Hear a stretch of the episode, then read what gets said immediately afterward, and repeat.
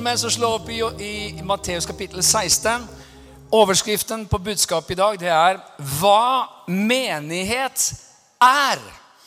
Og I Matteus 16 så leser vi sammen Jesu navn. Jeg sier at du er Peter, og på denne klippen vil jeg bygge min menighet, og dødsrikets porter skal ikke få makt over den. Vi vet at Jesus bygger sin menighet, men hva er egentlig menighet for noe? Du vet Med en gang man hører ordet menighet, så får man veldig mange forskjellige tanker, veldig mange forskjellige bilder, veldig mange forskjellige assosiasjoner. Men eh, jeg skal i dag male et bilde som er så viktig fordi at den helheten som Guds menighet, Guds kirke, er, det å ha forståelse av det, det påvirker veldig kraftig hvordan vi lever, hvordan vi tenker. Og når man forstår hva menigheten er, så åpenbarer det også sider av menighetslivet. Det sier også en del om hvordan tjenestegaver skal tenke om deres tjeneste. Og av og til så er det sånn at det står bare rett fram i, i, i Guds ord at Guds menighet er prikk, prikk, prikk. Mens andre ganger så må man tenke litt sånn Hvordan beskriver Bibelen at Guds menighet eh, handler? For det du gjør, sier noe om også hvem du er. Eh, F.eks. hvis noen spiller fotball hele dagen, så kan det jo faktisk være at du kan kalles for en fotballspiller. Det du gjør, det sier noe om hva du utfører for noe, eller hvem du er. Og, og, og det skal vi også se på her når det gjelder Guds menighet. Og Det som er så utrolig spennende, det er at det fins en rikdom, det fins en høyde, det fins en lengde, det fins en dybde, det fins en bredde. Det fins så mye rikdom i dette av hva Guds menighet er, og hva Gud har tenkt med sin menighet. Og Det første vi skal si noe om, eh, det kan du lese om i Apostelens gjerninger kapittel 4 og vers 23. Nemlig det at Guds menighet er et åndelig hjem, en åndelig familie. Halleluja. Amen. Her står det i Apostelens gjerninger 4.23. Da de nå var løslatt, kom de til sine egne og fortalte dem alt det yppersteprestene og de eldste hadde sagt til dem. Det står at de kom til sine egne. Det var noen de hørte sammen med. Du vet at når jeg gikk inn i bygget her i dag, så, så, så, så sa jeg til Erik 'Hei, bror'. Og Erik svarte til meg 'Hei, broder'. Men du vet, dette, det, for, hvor, hvor lenge, altså, det er ikke så veldig mange år siden at det, det hørtes veldig rart ut om noen kalte deg for broder. Ja, kanskje. Ja, Hvor lenge har du fulgt Jesus nå, Erik? Tre år. Tre år. Og liksom jeg bare tenkte på det når jeg sa hei til Erik i dag. at liksom, Hallo, broder. Hallo, bror. Altså, Det er litt spesielt at vi er brødre. Jeg er så glad for at jeg har en sånn herlig bror i Erik. Det, vet, det er jo herlig at liksom man har venner. Unnskyld, Eirik. I'm sorry. Det, eh, der kom det riktig. Det er jo så herlig at man har venner. Det er bra. Man har sine paller, man har sine buddies, buddieser, man har sine kamerater. Men at man har brødre, er jo så fint. Vi er brødre. Yes! Kan du tenke deg? Vi står sammen. Vi er familie. Ikke sant? Og det å være brødre og søstre, det er liksom litt sånn annerledes. For venner det er liksom på ett plan, Men det å være familie Det vil si at vi er sammen, vi hører sammen, vi står sammen. Og det står Du tar bilde. Dette var veldig fint, altså. Smil. Yes, thank you guys. Du skjønner, de kom til sine egne. Det var noen de hørte til med. Det var familie. Å, det er så bra at vi har familie. Og så står det videre da i Efeserbrevet kapittel 2 vers 19. Og i dag blir det mange skriftsteder. Du får slå dem opp, du får skrive dem ned, du får følge med på det. Du får, får fortsette studiet hjemme. Men så står det da i vers 19 så er dere da ikke lenger fremmede og utlendinger, men dere er de helliges medborgere og Guds husfolk. 2011-oversettelsen sier Guds familie bygd opp på apostlenes og profetenes grunnvoll, og hjørnesteinen er Kristus Jesus selv. Med andre ord Gud er vår far, vi er hans barn, og menighet er familie. Det sier så mye om hvordan Gud vil at atmosfæren i en menighet skal være. Nå er det jo sånn at Vi lever i et moderne samfunn, og det er ikke alltid sånn at for alle så er ordet familie et sånn superfantastisk ord. Det er ikke alle som tenker 'Yes, jeg har bare gode vibber, bare gode assosiasjoner' når jeg hører ordet liksom om, om, om familie og far og mor osv. For en del så er familie egentlig synonymt med noe som var vanskelig, og noe som var vrient, og noe som har gått i stykker. Eh, men desto mer så vil Gud at menighet skal være familie. Amen. Og det er så herlig med familie, for i familie så hører man til. Amen. Det er jo liksom ikke sånn at jeg ja, jeg vet ikke om jeg liksom føler for å være en del av familien eller ikke føler for å være en del av familien. Nei, men er det familie, så er det familie. Sant? We, we belong together. We're family. Amen. Og det sier liksom noe om hvordan Gud vil at det skal være. Det skal være varmt, det skal være nært. Og så er det selvfølgelig sånn at i en familie så finnes det fedre, det finnes mødre. I en kirke, en menighet, så finnes det åndelige fedre og åndelige mødre.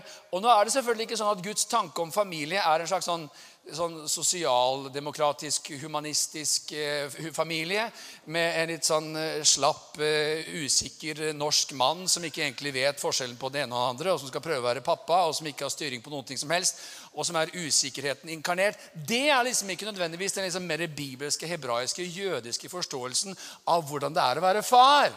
Aha! Nei, men Det kjente liksom, liksom noen Guds mann-vibber som bare begynner å liksom komme her. Det står til og med at Gud tukter den han elsker. ikke sant? Så, så du vet, Og han trenger, jo, han trenger, jo, noen fedre til å hjelpe han. Halleluja. Amen. Glory. Vi, vi, lar den ligge. Men poenget er at det er herlig med familie. En familie vil liksom ikke bare si at alt er greit og alt er fint, for det er familie. Nei, men det vil si at vi hører med. Og det, vil, det, det sier noe om fostring. Det er interessant det her med fostring. Vet du, det, du, vet, hvis du vokste opp med en mor eller en far som liksom hadde liksom visse ting som liksom som, som, ja, men sånn gjør vi det ikke her i huset, liksom. Sett den tilbake der den sto. Er det noen som har hørt noen mor eller far si sånne ting i sitt liv?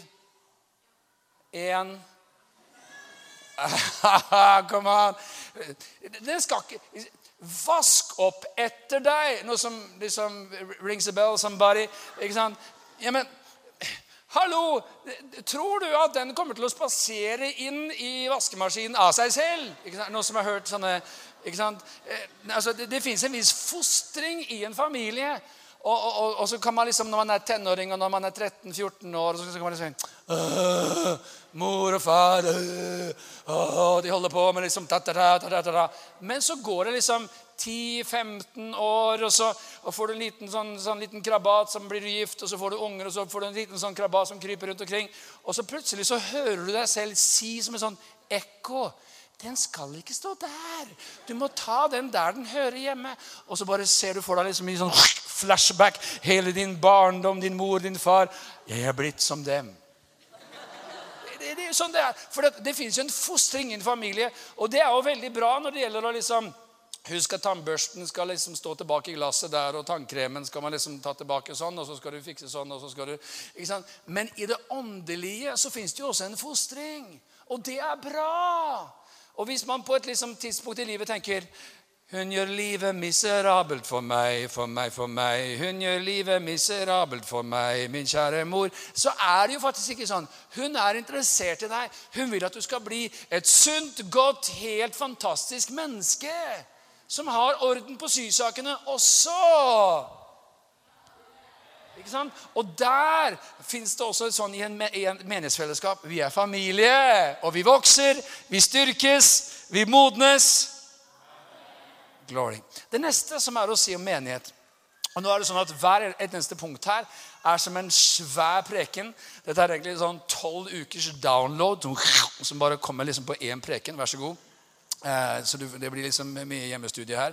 Men det neste som jeg skal si noe om, det er at, at Guds menighet det er jo eh, Andre ord som kan brukes, det er Guds hus, Guds bygning, det er et tempel, det er en bolig for Gud i ånden. Det brukte vi en del tid på å snakke om forrige søndag.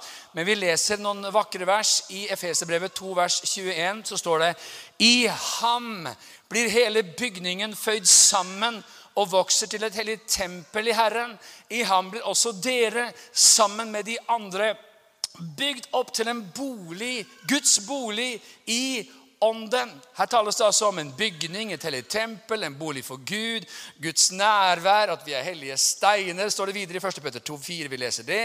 Kom til ham, den levende stein, som ble vraket av mennesker, men er utvalgt og dyrebar for Gud. Og bli også selv oppbygd som levende steiner til et åndelig hus, til et hellig presteskap, til å bære fram åndelige offer, slike som er Gud til behag ved Jesus Kristus.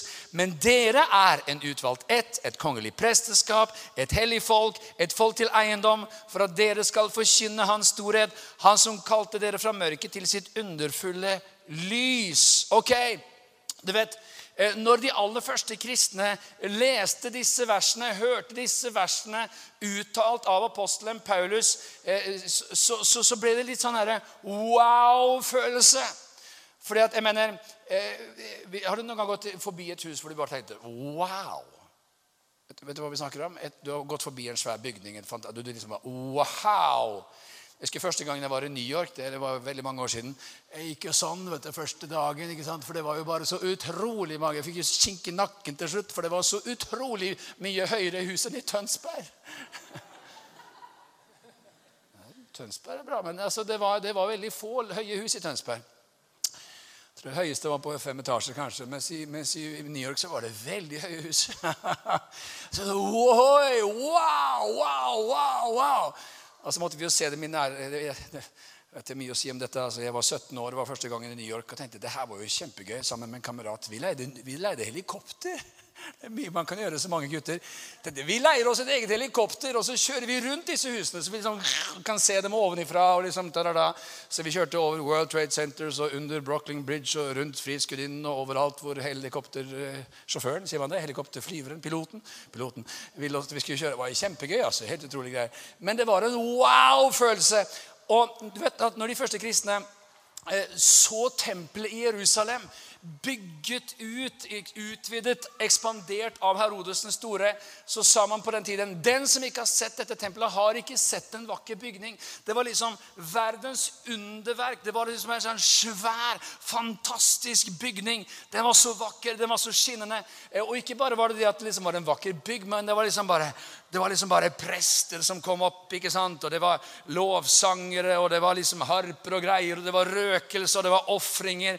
Og det var liksom for den som kom fra en liten bygd i Galilea, eller som kom fra et eller annet sted, liksom ute i diasporaen, fra Hellas eller fra, fra, fra, fra Persia, et eller annet, og som kom som en pilegrim på en av de tre årlige liksom, eh, høytidene. Og så kom han gående, liksom, så kom han gjerne liksom da over Oljeberget, eller man kom liksom opp fra et eller annet sted. Og så så man tempelet for første gang, og man tenkte bare Wow! For et sted! For en plass! Hvilken herlighet! Hvilken glans! Hvilken bygning! Hvilke greier! Hvilke prester! Hvilke Wow! Og når, derfor, når, når, Paulus skriver at dere er et tempel for den hellige Et tempel, en bolig for Gud i ånden, en bygning, et hus, så er det litt sånn Gud ville at hans menighet skulle være litt sånn Wow! Ikke bare liksom arkitekturen, ikke bare huset, ikke bare liksom at det skulle vært et fint hus. Vi er her i kirke her, det er nydelig.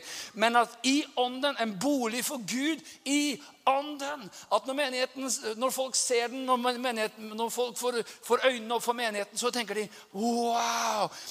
Hvilke steiner, sa disiplene. Hvilke levende steiner, sier vi nå. Hvilke mennesker. Gud bor i dem, Gud er i dem, Gud har ført dem sammen. Hvilken orden! Altså Hvis du tenker på en bolig for Gud, det er liksom ikke sånn Én stein her og én stein der. og altså, min, første, min første sommerjobb det var å, å, å, å var veldig merkelig. altså Det er også en sånn Tønsberg-historie som dukker opp her nå. av en eller annen grunn, men, men, jeg hadde sånn sommerjobb da jeg var 18 år, og jeg, jeg, fikk, jeg fikk, jobb som murer. Jeg, du vet sånne, sånne ledige stillinger, sommerjobber. Jeg tenkte penger, jeg skulle på bibelskole. Murer, jeg tar den. Og jeg spurte kan jeg få jobbe som murer. Jeg fikk jobbe som murer. Jeg hadde jo ikke murt en ting i mitt liv. Jeg hadde ikke murt én ting. Jeg hadde aldri gjort noen ting.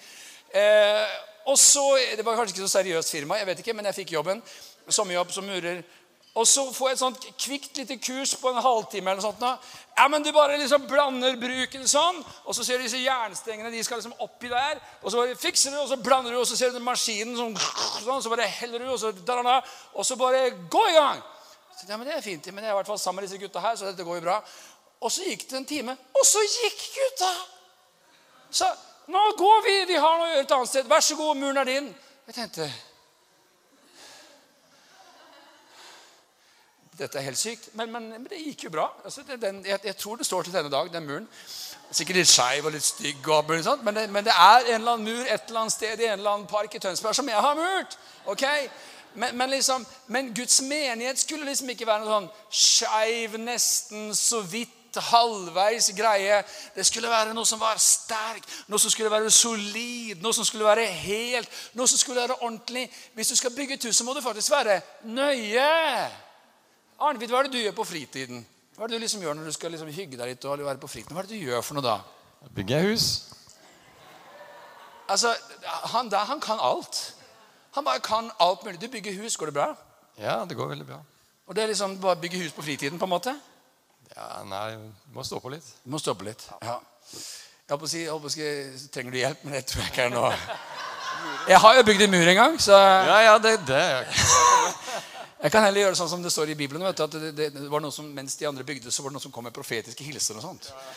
Sånn, Jeg er med der, sier Herren. Litt sånn, litt sånn oppmuntringer. vet du. Det, det, kan man trenge når man bygger hus. Men, men, men det er jo ja, Er det viktig at det, Hva gjør du for at det skal bli rett, dette? Eh, rett, da bruker jeg rettesnor og, Rettesnor. og vater og sånne ting. Vater, Det sa vi i Tønsberg. Det sa vi, Han der er ikke helt i vater, sa vi.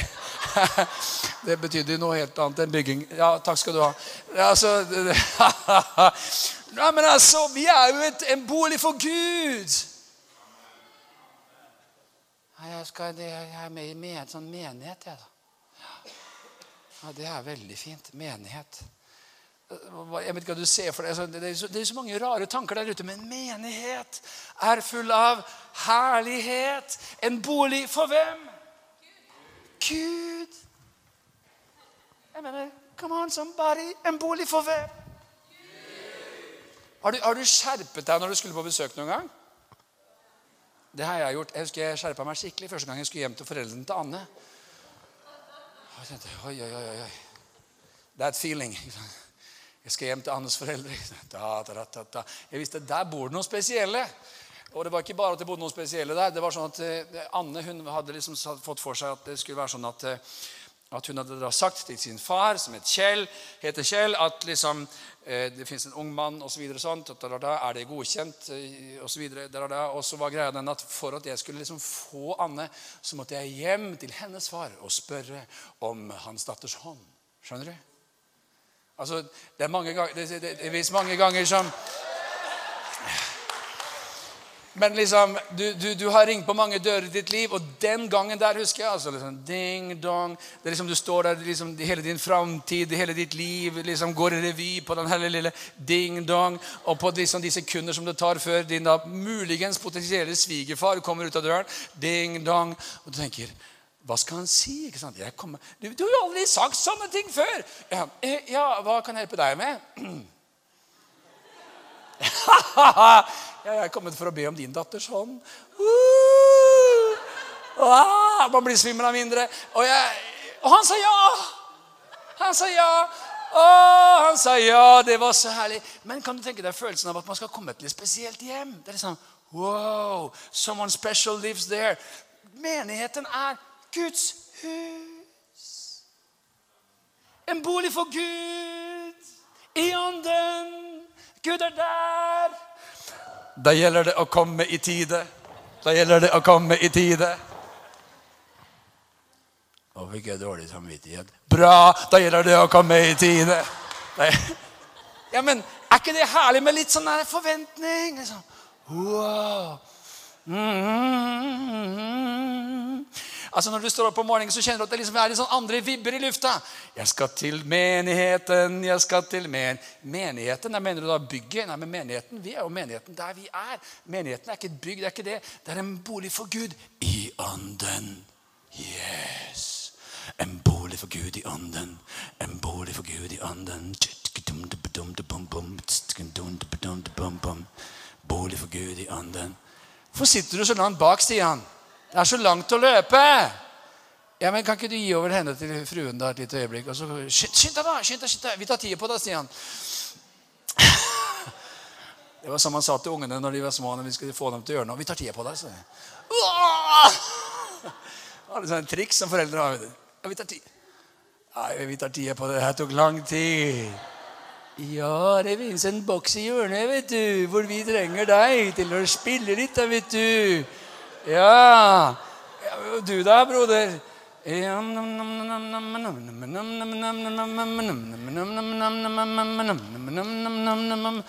Anyone else wants to be be part of this party here?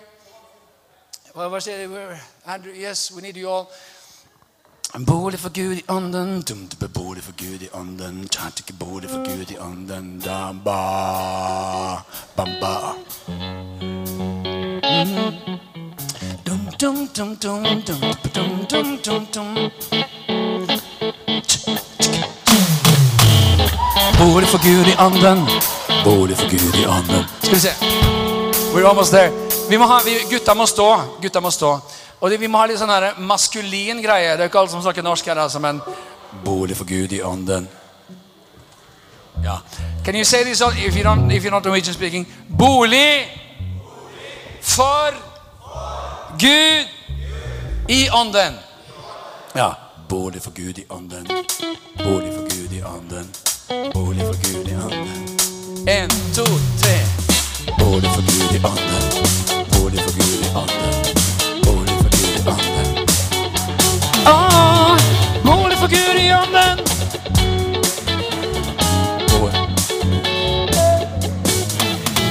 Guds menighet er en bolig for Gud i Bolig for Gud i ånden. Bolig for Gud. Ja. Vi må få opp jentene også. Én, to, tre. Søstre. To, tre. Bolig for Gud i ånden. Bolig for Gud i ånden. Bolig for Gud i ånden. Bolig for Gud i anden. Bolig for Gud i anden. Bolig for Gud i anden. En, to, tre. Bolig for Gud i anden. Bolig for Gud i anden. Bolig for Gud i anden. Yeah. Bolig for Gud i anden. Bolig for Gud i anden. Bolig for Gud i anden. To, tre, det var en veldig kort sang, for jeg har et punkt til. skjønner du. Takk skal dere ha. Det står videre i 1. Eh, Korinterbrev kapittel 3 vers 9 at vi er Guds medarbeidere. Dere er Guds åkerland, Guds bygning. Og det høres jo veldig rart ut, men Guds menighet er faktisk Guds åker.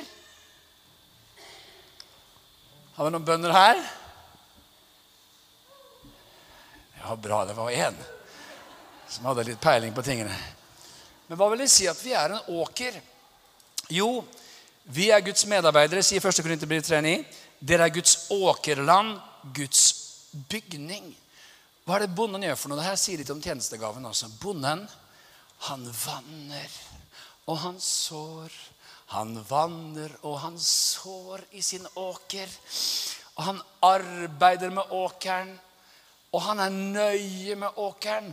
Og han luker ut ugress i åkeren er det meg? Nei da! Vi må liksom legge inn en sånn kollektiv sjelesorg. Vi er jo i Norge. vet du. Altså, liksom, å, det er kanskje meg, det er ugresset. Nei, det er ikke deg. skjønner du. Dette går, går, så bra. Du er jo Herrens gode hvete, ikke sant? Ja, Det har du kanskje aldri tenkt på før, men det er det, vet du. Eh, men, men, det, men det kommer ugress i åkeren. Aha.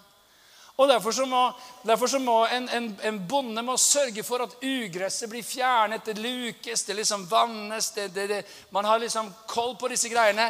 Og, og, og, og det, det, skal, det skal bønder holde på med. Sant? Så det å være hyrde, for eksempel, det å være pastor Det er liksom bare å sørge for Er, er det bra? Er det, er det, sunt? Er åkeren fin? Vi, trenger vi å luke litt? Trenger vi å vanne litt? Trenger vi, Hva gjør vi nå? Et herlig bilde med oss i menigheten. Vi tar det neste.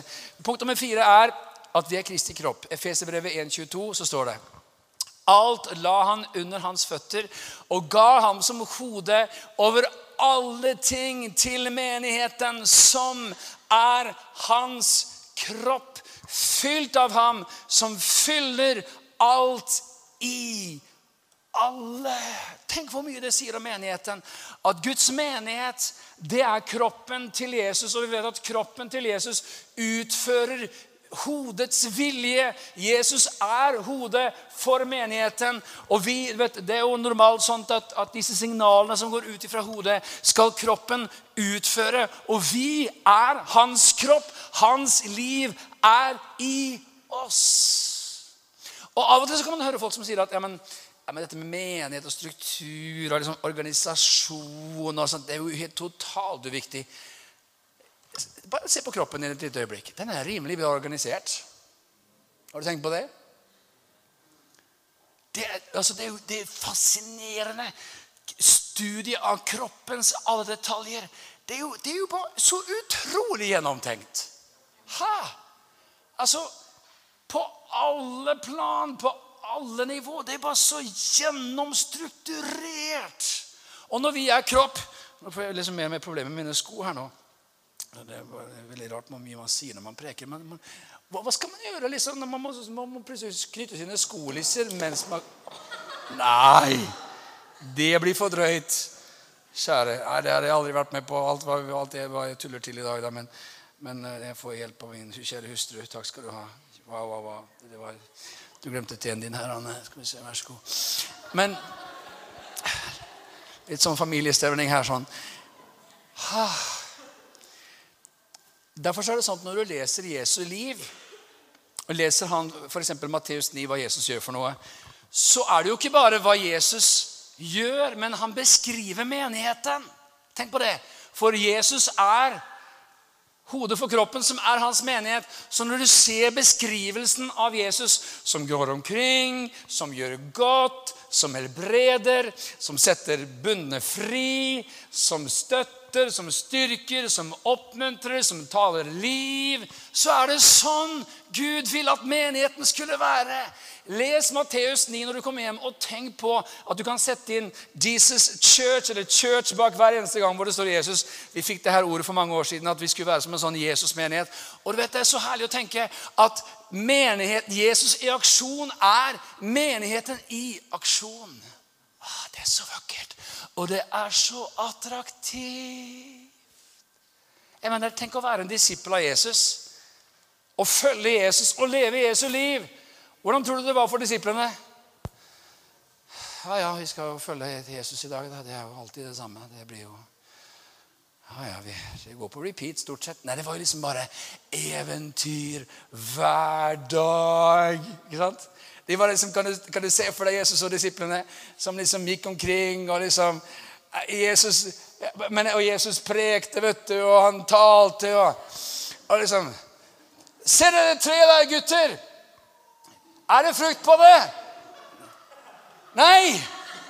Nei, vi forbanner det her fikentreet. Og så bare visner hele greia. Altså, det var jo liksom det var jo skogstur med Jesus. Det var liksom litt andre greier. Jeg bare tenkte jeg skulle nevne det. Takk skal dere ha. Mener, det, var, det, var liksom, det, var, bare eventyr hele tiden. Og vet du hva? Det å leve med Jesus er fortsatt eventyr hele tiden. Ja, men Det er helt sikkert det å leve med Jesus er hele eventyret hele tiden. Wow, wow, wow, wow. Amen. Ok, Neste punkt er at menigheten er sannhetens støtte og grunnvoll.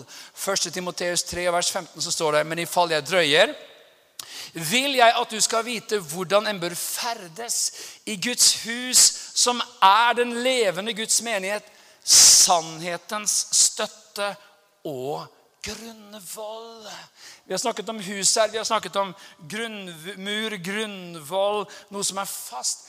Kan du tenke deg at Paulus han sier her at menigheten er selve sannhetens fundament? Wow! Det er veldig velsignet å lese om. Og det er også dypt utfordrende når Jesus i Matteus 5 sier i vers 13.: Dere er jordens salt, men om saltet mister sin kraft, hva skal det da saltes med? Det duger ikke lenger til noe uten til å kastes ut og tråkkes ned av menneskene. Dere er verdens lys. En by som ligger på et fjell, kan ikke skjules. Så er det noen av disse samme perspektivene. En den levende Guds menighet, verdens lys, jordens salt, sannhetens støtte og grunnvoll. Det taler jo om at menigheten er forvalter av sannhet. Ikke bare av sannhet, men forvalter av sannheten med stor S. Ja, men Er det så utfordrende? Ja, vet du hva? Det er ganske utfordrende. Og kanskje særlig i vår tid. Kanskje har det vært sånn i alle tider, jeg vet ikke, men i den moderne kirken så kan man jo oppleve at der er en del av disse tingene som er så brysomme. For en del av de tingene som står i denne boka, de er så utrolig politisk ukorrekte. Aha. Aha, aha. Skjønner du hva jeg mener? Og Derfor er det sånn at Jesus han til og med sier i Markus 8 at den som skammer seg over meg og mine ord i denne utro og syndige slekt, han skal også menneskesønnen skamme seg ved når han kommer i sin fars herlighet med de hellige engler. Skammer vi, skammer vi oss over ordet? Nei, vi gjør jo ikke det, da. Men, men vi kan bli pinlig stille ofte, altså. I denne menigheten, Guds menighet i stort, som vi snakker om her.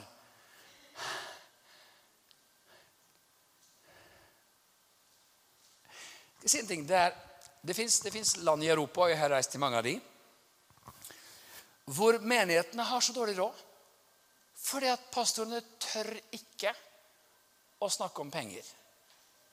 For hvis man snakker om penger, ja, men da blir du tatt til inntekt for å være en slags sånn prosperity preacher eller en eller annen som bare er ute etter folks penger. Og det vil man jo ikke bli assosiert med. Og så så er det hele menigheter, det er hele nasjoner hvor det er knapt en pastor. Svære nasjoner hvor det er knapt en pastor som har lønn for jobben sin. Alle er frivillige 100 ja, Men så fint. Nei, det er ikke så fint. Bibelen taler om at den som, le, som forkynner evangeliet, skal leve av evangeliet. Og hva er det her? Jo, at man på en måte, Fordi at det er et eller annet i omstendighetene i det landet der som gjør at hvis jeg preker om det Og så kan vi tenke i Norge Ja, men kjære vene ja, men her kan det være andre ting som vi kan oppleve at det blir vanskeligere og vanskeligere å være tydelig på. Og så kjenner vi at vi mer blir sånn, sånn stille og forsakte og forsiktige. Ikke sant? Jeg husker jeg var i en skole en gang. Det var litt brutalt, altså, men ok. Altså, det var, det var Så var det en elev som spurte da Tror du virkelig at eh, det fins et helvete, og at jeg kommer dit hvis jeg ikke tror på det som du tror på? Ja, neste spørsmål. Og det var, jo, det var, jo, det var jo bare så bunka bang. Det var jo som å slippe en bombe. altså Granater i klasserommet. det var sånn, oi, men det var, Jeg forklarte litt etterpå, for vi skal jo være kjærlige og gode. Men det var liksom, sånn gøy bare å liksom la den henge der litt sånn. For jeg tror jo faktisk det, at det fins en fortapelse. Og så skal man jo ikke tale om sånne ting på en lettvint måte. Men poenget er at det er lett i vår tid at man begynner å skamme seg over ting som Jesus er kjempetydelig på. Aha. Aha, aha. ah, sannhetens støtte og grunnvoll. Takk, Jesus. Vet du hva det står for noe i Åpenbaringen 20? Så står det Jeg så troner i vers 4, og de som satte seg på dem, og det ble gitt dem makt til å holde dom. Og jeg så deres sjeler som har blitt halshogd for Jesu vitnesbyrds skyld og for Guds ords skyld. Jeg har ikke tid til å gå inn i detaljene på det, selvfølgelig, men man ser beskrevet en tid hvor det å stå opp for Guds ord og det å stå fast på Guds ord, det koster deg ikke bare litt ære eller litt glans eller litt sånn popularitet. Det kan koste deg hodet.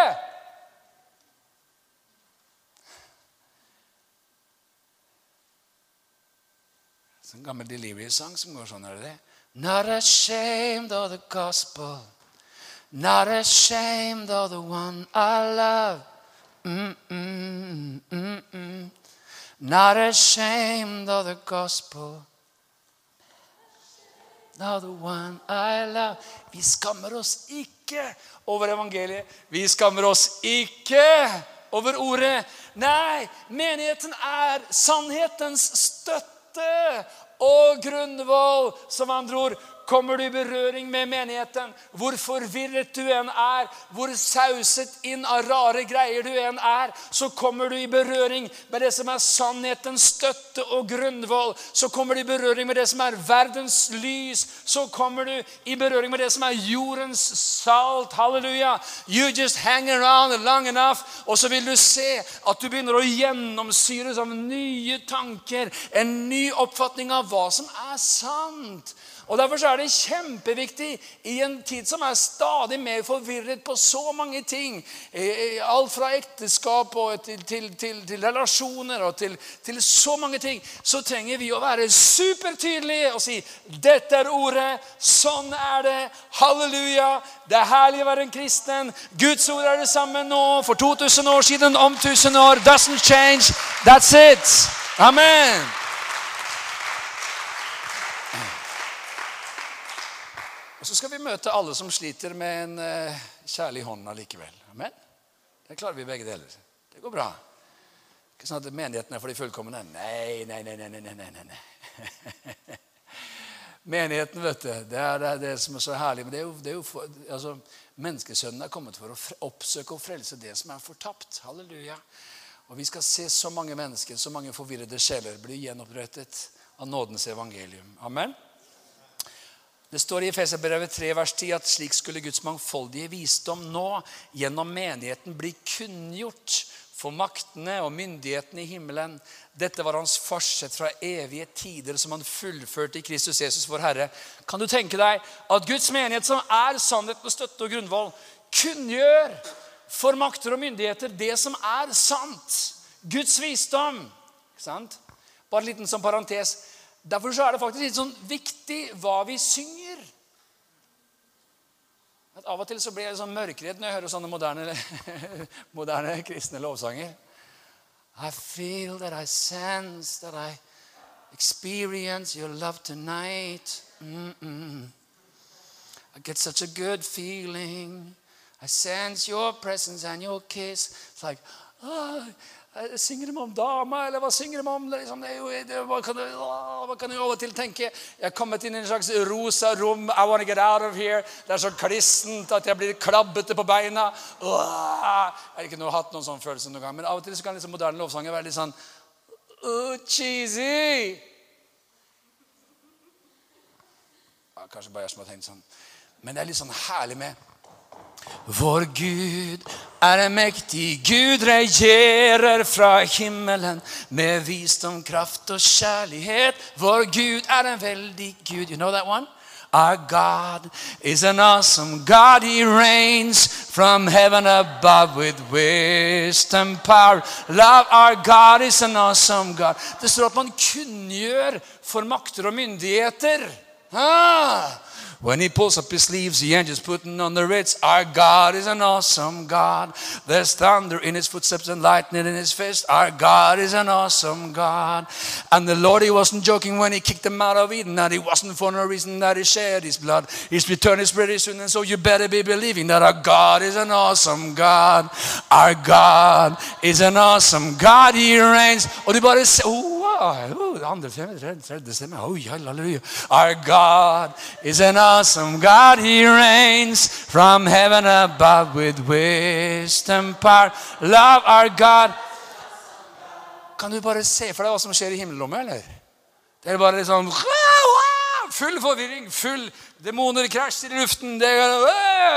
What's happening? They're praising God down there. Vi bare erklærer for makter, for myndigheter. Vår Gud er en veldig Gud. Han regjerer i himmelen. You better get out of there. Amen. Halleluja. Amen. Det neste punktet det passer så veldig bra i fortsettelsen av dette. her, og Det er noe som man veldig sjelden snakker om, men som er en bibelsk sannhet likevel. Og det er at Guds menighet også er Guds armé. La oss lese 2. Timoteus 2. Så står det 'Lid ondt med meg' som en god Kristi Jesu stridsmann. Ingen som gjør krigstjeneste, blander seg inn i dagliglivets sysler, for han vil gjøre sin hærfører til lags. Det er jo liksom litt sånn Lid ondt med meg som en god Kristi Jesus stridsmann. Altså, as a good soldier of Jesus Christ.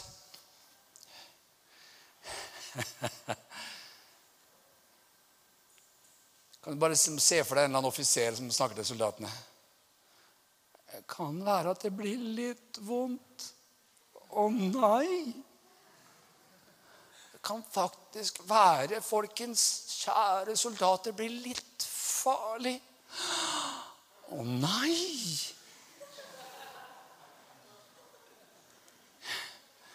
Og så står offiseren opp og sier, 'Men jeg skal synge en sang for deg før du går ut.' Du vet vel om at du er verdifull.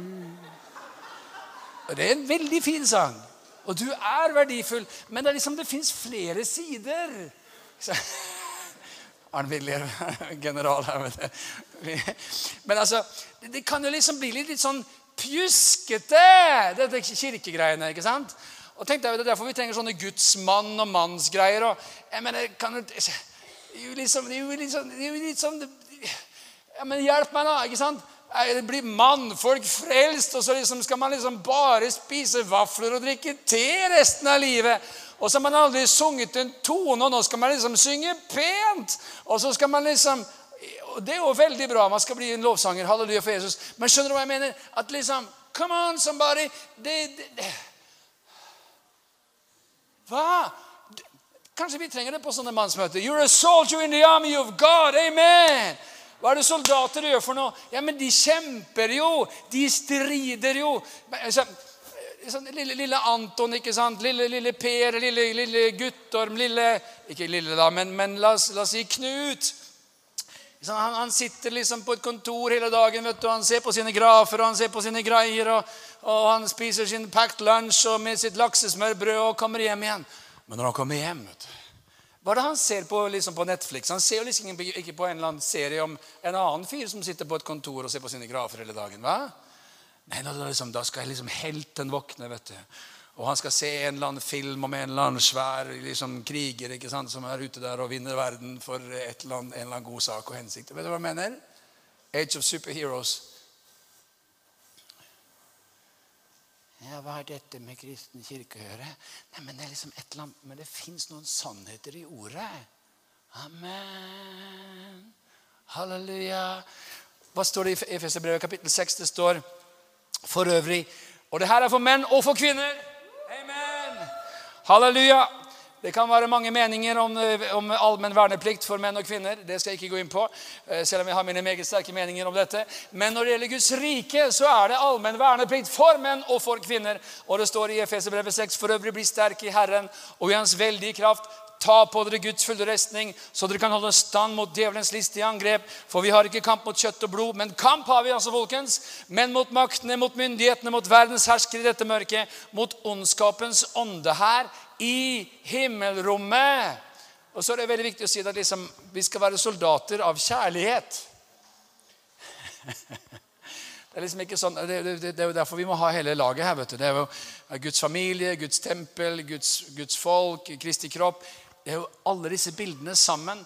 Og opp gjennom historien så har jeg liksom gjerne Guds menighet plukket én av disse. ikke sant? Ja, men vi tar den der. We are the warrior church. Wow. No, no, no. Eller vi er liksom, vi er bare nådesforsamlingen, vi er trosforsamlingen, vi er pinseforsamlingen, vi er baptistforsamlingen, vi er metodistforsamlingen.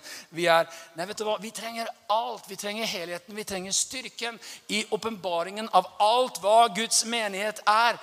Og vi trenger faktisk med frimodighet å kunne si i kongeriket Norge i 2018 at en del av det å være en kristen er også å være en Jesu Kristi soldat. Amen. Jeg er en krigsmann ute i Herrens armé. Noen som hørte den? Wow! Det var en gammel sang. Den strid jeg kjemper, er en strid uten blod.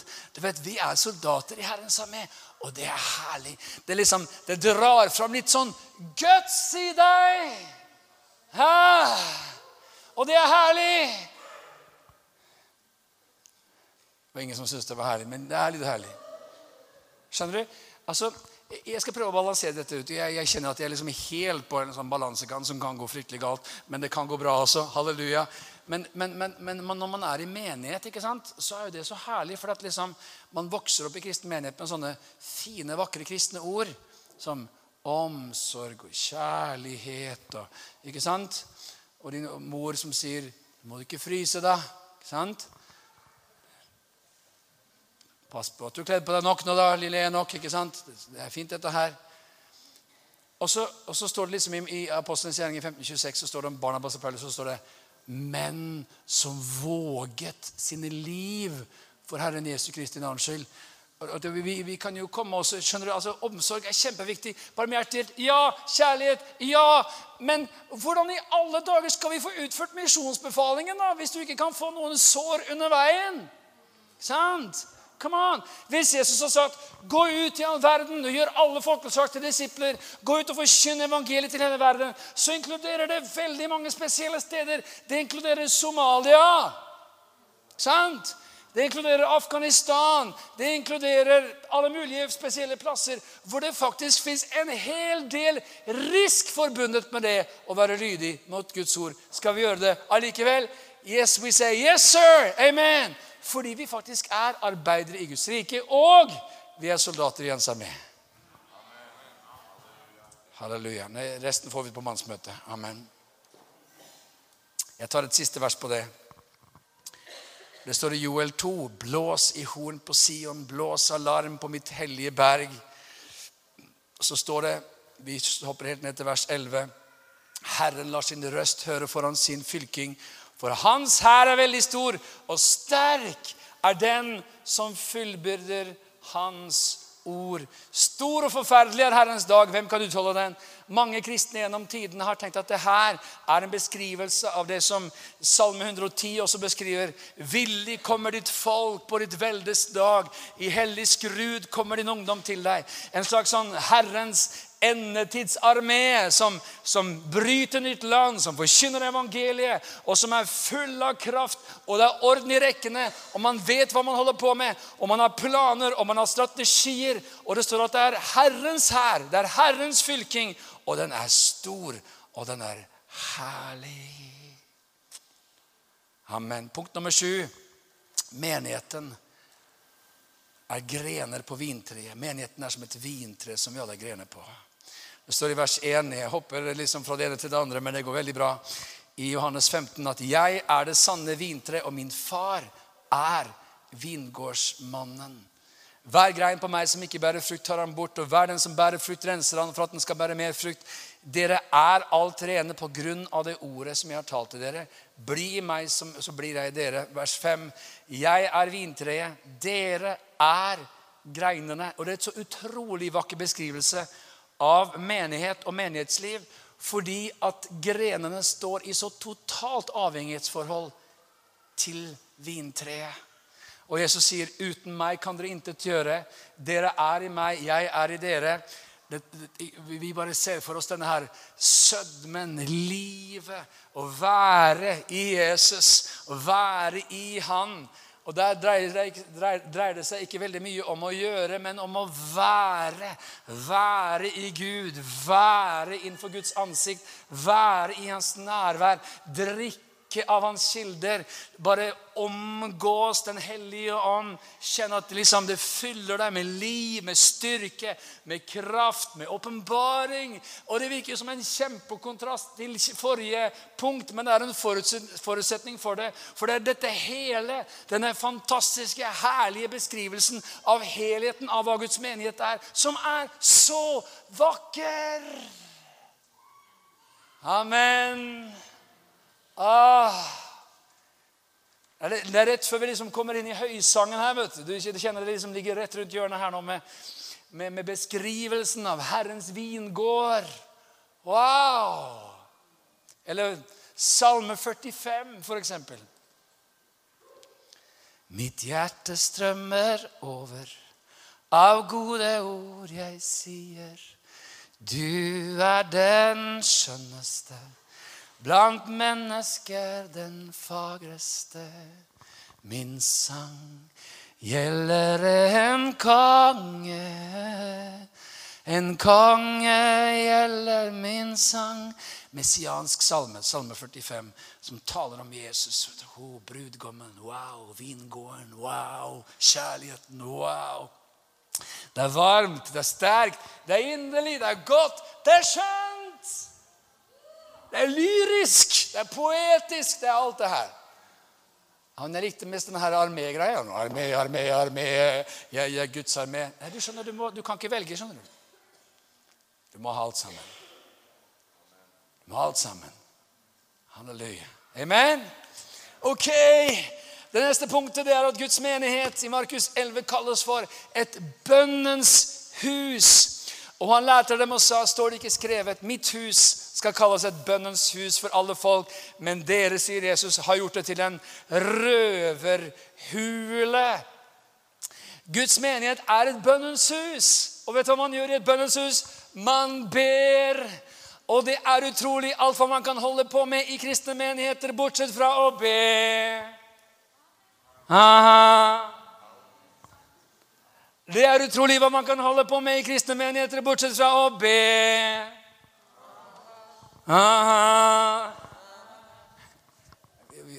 Vi, er på vei her nå. I løpet av ti år så har vi etablert en veldig sånn fin Hva er det man skal holde på med i kristne menigheter? Jo, man skal faktisk be. Amen.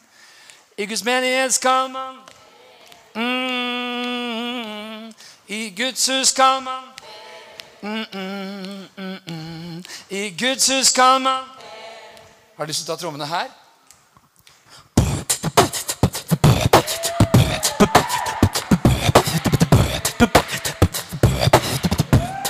I Guds hus skal man oh, I Guds hus skal man Du er med nå? I Guds hus kan oh, yeah. Litt sterkere. I Guds hus yeah. Guds hus kan Oh, yeah, yeah. Hus yeah.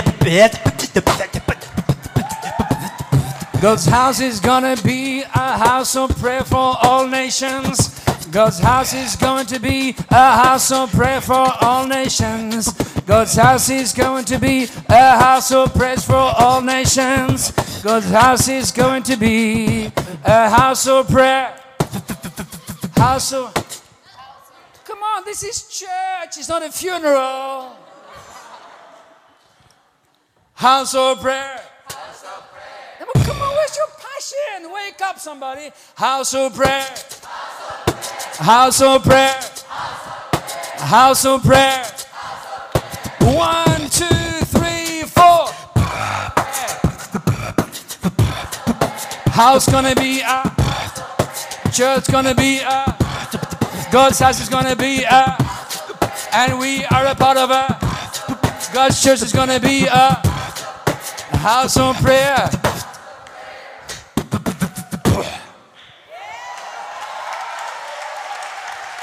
Stian. This is so good.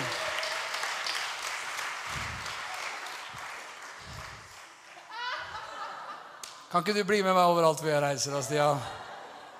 Ok? Jeg skal i fem land til uka, så vi får se, men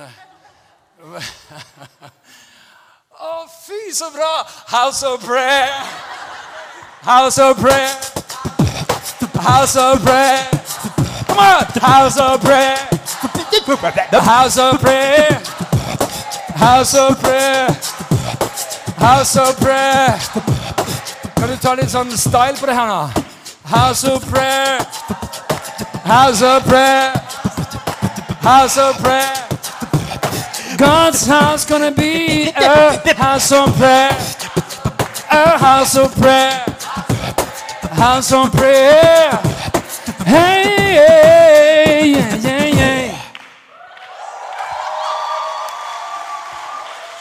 yeah. Wow! House of prayer! Halleluja! Oi, oi, oi, oi, oi. Så i Guds hus så ber man halleluja. Vet du hva jeg tror faktisk? En liten trommevirvel. Liten trommevirvel. At vi klarer å komme gjennom prekena. Glory! Amen. Takk. Fordi Ikke at det er så viktig, altså, men jeg er jo, jeg er jo veldig ambisiøs når det gjelder hva jeg kan komme gjennom på en søndag. For det neste vi skal si noe om hva en menighet er for noe, det er at det er et misjonssenter. En misjonsbase, om du vil. Det står nemlig i Apostelens gjerninger 13 i Antiokia. I menigheten der var det profeter og lærere. Barnabas og Simeon, som kalles Niger, og Lukikus fra Kyrene og Manaen, fosterbror til fjæringsfyrsten Herodes og Saulus, mens de holdt gudstjeneste og fastet, sa Den hellige ånd, ta ut for meg Barnabas og Saulus til den gjerningen som jeg har kalt dem til. Da lot jeg dem dra ut etter at de hadde faset og bedt og lagt hendene på dem. Da de slik var utsendt av Den hellige ånd, dro de ned til Seliukia og reiste derfra til Kypros. Det er interessant at for så sier så sier altså Markus 11, 17, mitt hus skal kalles for et bønnens hus for alle folk. Og så er de da samlet, og så ber de her i apostelens gjerninger. Og så var det jo profeter og lærere. Det vil jo si at eh, disse var ikke ferske i tjenesten. De var jo allerede i tjeneste. De var profeter og lærere, de underviste Guds ord, de var ledere i forsamlingen. Men plutselig så taler Den hellige ånd og sier, 'Ta ut for meg Barnabas og Paulus til den tjenesten som jeg har kalt dem til.' Og så står det, 'Da de slik var utsendt av Den hellige ånd'. Wow! Sånt holder menigheter på med. ikke sant? Romerne 10 så står det hvordan kan de tro på en som de ikke har hørt om? Hvordan kan de høre uten at det er noen som forkynner? står det i vers 14. Og hvordan kan de forkynne uten at de blir utsendt? Som skrevet står, osv. Vi er en utsenderinstitusjon. Vi er en sendemenighet. Vi driver og sender arbeidere, sender misjonærer, sender folk. Halleluja. Amen. Og det er derfor hvis, hvis, vi, hvis, vi, slutter å be, så slutter vi også å sende. Du vet, Når bønnen går ned i et land, så går også misjonen ned i et land. For det står nemlig i Matteus 9.: Be derfor høstens herre at han vil drive arbeidere ut til sin høst. Så når vi ber, så drives arbeiderne ut. Så fins det sendekraft i Guds menighet. Wow, wow, wow! Det neste punktet er at Guds menighet, det er et evangelieforkynnelsesredskap og et disippelgjøringsfellesskap. Amen. Hva sier misjonsbefalingen? Gå derfor ut og gjør alle folkeslag til disipler. Matteus 28-versjonen. Markus 16, 15 taler om at vi skal gå ut og forkynne evangeliet. Gå ut og forkynn. gå ut og gjør disipler. De henger sammen. Først så forkynner man. Mennesker kommer til å tro. Og så gjør man disipler. Og Derfor så er det sånn at det Gud hadde tenkt, det var at for alle oss som er i menigheten Hvis vi fikk en, et spørsmål hva er din tjeneste i forsamlingen, så ville kanskje det første svaret vi sa, det var jeg gjør disipler. Også kanskje det at jeg synger lovsangen, eller at jeg hjelper til med barna, jeg hjelper til med menighetsplanting, jeg hjelper til med tekniske ting. jeg hjelper til med, Mens det her med å gjøre disipler på ulike måter Åh. Det var så fint å se bilder på Instagram av Johannes med en hel gjeng med smågutter som hang rundt Johannes for å se på barneleiren hvordan han holdt på med å kjøre lyd og greier. Og du bare liksom så bare Wow, Johannes, hvilken helt, liksom. Vi ser opp til han. Og vet, Disippelgjøring Vi kan tenke så tradisjonelt om det, men vet, disippelgjøring det kan være at du har en liten gjeng rundt deg vet du, som er 7, 8, 9 og 10, og, og som lærer å kjøre lyd. vet du, og Innen de er 14 år, så er de råflinke. ikke sant? Og de lærer, og de ser, og forbilder, og så formidler vi holdninger, og så formidler vi kunnskaper, og så formidler vi trofasthet, og så formidler vi livsstil. Så vi kan dra inn disippelgjøring i alt vi holder på med, med media, med tekniske ting og med alle mulige. Halleluja. Så vi må tenke så annerledes. Amen. Har du lagt merke til Det finnes sånne unger som har koll på alt mulig. Sant? Du kommer inn på barn, eh, noen barns rom, alt er bomba. Kommer inn på andre barns rom, alt Orden. Sant? Det er jo en gave. ikke sant? Til å organisere og til å holde orden og til å holde koll på tingene og systemsysakene osv. Disippelgjøring. Oi, oi, oi, oi, oi, oi, oi, halleluja. Og så er det sånn at vi er en sånn evangelieforkynnelsesredskap. Guds ord forkynnes. Amen. For at vi er jo menigheten, og vi kommer sammen på søndag, og vi utrustes, og vi inspireres, og vi styrkes. Og så mandag, tirsdag, onsdag, torsdag, fredag, lørdag så er vi ute i hele byen, og så er vi bærere av Jesus, bærere av evangeliet. Amen. Og vi forkynner gode nyheter. Amen. Vi forkynner gode nyheter. Fordi de gode nyhetene er i oss. Fordi Jesus er i oss. Amen. Yes, we are the Jesus people. Halleluja. Jeg har ikke tid til flere sanger. Halleluja. Vi, vi, vi, er, vi sprer, står det, kunnskapen om ham som en velduft på ethvert sted. Har du lagt, merke til noen som bruker veldig mye parfyme? Og jeg husker en gang han sier jeg blir, jeg blir svimmel, jeg må ut. Jeg må, jeg må ha, det, var, det, var, en mann som hadde det var, Noen tenker damer har mye parfyme. Jeg tror han hadde tatt en halv flaske. altså liksom bare det var liksom, du, liksom, du ble dizzy når han kom i nærheten. Det var liksom wow, hei, det var, det var veldig velduft. Altså, det, kanskje litt for mye. Men, men, men, det står at vi sprer kunnskapen om Kristus som en velduft. Det lukter der vi kommer. Godt av Jesus. Amen. Så tror jeg jeg må få opp lovsangerne her under de siste to punktene. Fordi det neste det er at vi er Guds by er det så mange dybder i det her, så vi rekker ikke å gå inn i fullheten av det. Men Hebreerbrevet 12 sier i vers 22 dere er kommet til Sions berg, til den levende Guds by, det himmelske Jerusalem, til englenes myriader, til høytidsskaren og menigheten av de første fødte som er oppskrevet i himlene, til en dommer som er alles Gud, og til de fullendte rettferdiges ånder osv. Det står at vi er kommet til den levende Guds by. Og på et eller annet mystisk vis så hadde Guds, Gud tanke om at Guds menighet også skulle være som en sånn Guds by. Som en avspeiling av en by. En by som ligger på et fjell, kan ikke skjules. Galaterbrevet 4,26 sier det Jerusalem som er der oppe, er fritt. Og det er vår mor. Halleluja! Du vet at i, i, i den tidlige kirken så talte man om at Gud er vår far. Og kirken er som en mor. Ikke sant? Det er vakre ting, vet du. Det står i Salme 122.: Jeg gleder meg over dem som sier til meg, vi vil gå til Herrens hus. Våre føtter står i dine porter, Jerusalem. Jerusalem, du velbygde, du er lik en by som er tett sammenføyd. Må det råde fred innenfor dine murer og ro i dine saler. Åpenbaringen 21,2 sier Jeg så den hellige by, den nye Jerusalem, stige ned ut av himmelen, fra Gud gjort i stand som en brud som er prydet for sin brudgom. Vi ber og sier, Herre, la ditt rike komme. Herre, la din vilje skje. La oss se at din menighet får reise seg som et nytt Jerusalem, som en by, som en Guds bolig. Og så står det til slutt da i, i Apostlenes gjerninger kapittel 14 så er det sånn at Guds menighet er et brohode for Guds rike. Åh, halleluja. Et brohode for Guds rike. Hva var Jesu budskap der han gikk omkring? Han sa, omvend dere, for himlenes rike er kommet nær. Der hvor Guds menighet er, der er Guds rike nær. Og I Apostelens gjerninger så står det i vers 21 at de forkynte evangeliet der i byen og vant mange disipler. Så vendte de tilbake til Lystra, Ikonium og Antiokia. Og så står det de styrket disiplenes sjeler, formante dem til å holde fast ved troen og sa vi må gå inn i Guds rike gjennom mange trengsler.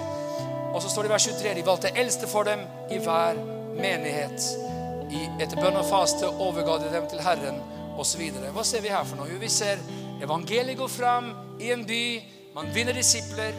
Man underviser om Guds rike, så man går inn gjennom mange trengsler. Og man innsetter eldste, altså ledere i menigheten. Guds rike er brohode for Guds, Guds menighet er brohode for Guds rike på alle plasser. Og Det er derfor menighetsplanting er så viktig. Og menighetsplanting kan også være så krevende. fordi at der det fins en menighet, der det opprettes en kirke, så blir det et nytt, permanent brohode for Guds rike. Og når Jesus sier at 'jeg vil bygge min menighet', og dødsrikets porter skal ikke få makt over den, så åpenbarer det også at dødsrikets porter vil forsøke å få makt over Guds menighet. Og skal jeg si en ting? Halleluja. Når man kjører rundt omkring i Norges land og rike, så kan man kjøre forbi en plass et lite sted. Bruker Oppdal som et eksempel her nå. Vi har jo søster fra Oppdal. Bra, skjønner du. En liten plass. Da kan man kjøre gjennom Oppdal. Hvor mange bor i Oppdal? 7000 mennesker. Og så vet man her fins en levende kirke. Her som forkynner Guds ord. Her fins et brohode for Guds rike. Så kan man kjøre noen kilometer videre, noen mil videre. Komme til en annen plass, en annen bygd, en annen, annet sted. Og så tenker man bare Her er det ingenting. Her er det ikke en levende forsamling. Her skjer det ingenting. Her finnes ikke et permanent brohode for Guds rike. Det er all forskjell i verden. Tenk deg at i Europa så er det kanskje noen hundre tusen plasser uten levende menigheter. Uten brohode for Guds rike. Åh, kom med ditt rike. Skje din vilje, som i himmelen. Så på jorden. La oss reise oss opp, alle sammen. Halleluja. Gratulerer, du har overlevd prekenen. Det var jo tolv prekener i én.